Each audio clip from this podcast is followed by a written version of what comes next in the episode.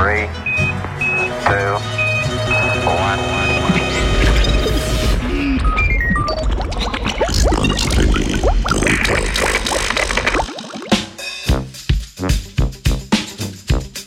A glukozo?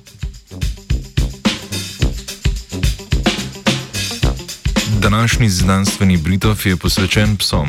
Dunajska raziskovalna skupina je v reviji Veterinary Clinical Pathology objavila izsledke raziskave o prisotnosti glukoze v pasjem urinu.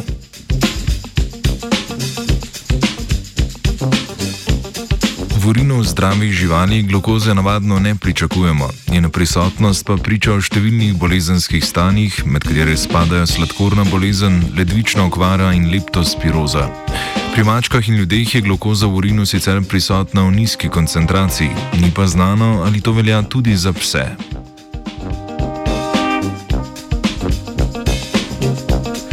Pred kratkim so se začele v klinični praksi uporabljati nove vrste testov za glukozo z izboljšano občutljivostjo, ki lahko vodi do lažno pozitivnih rezultatov. Raziskovalna skupina je želela ugotoviti, ali novejši testi v urinu zdravih psov rutinsko zaznajo glukozo. Hkrati je ugotavljala vpliv količine vnesene hrane ter spola, starosti in debelosti psa na koncentracijo glukoze v urinu.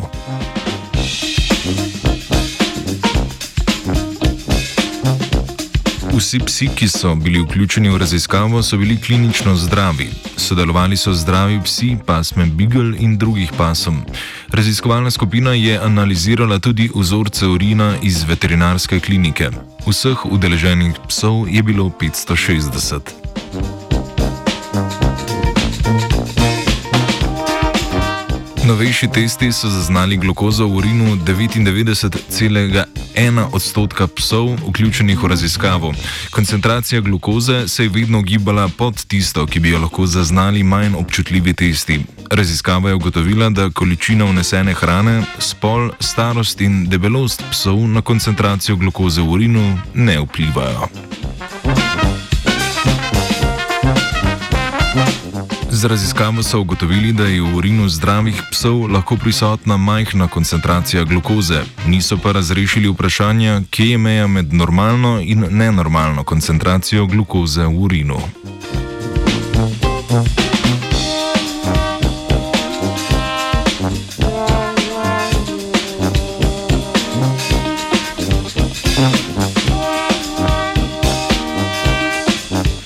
Glukozo je iskala živa.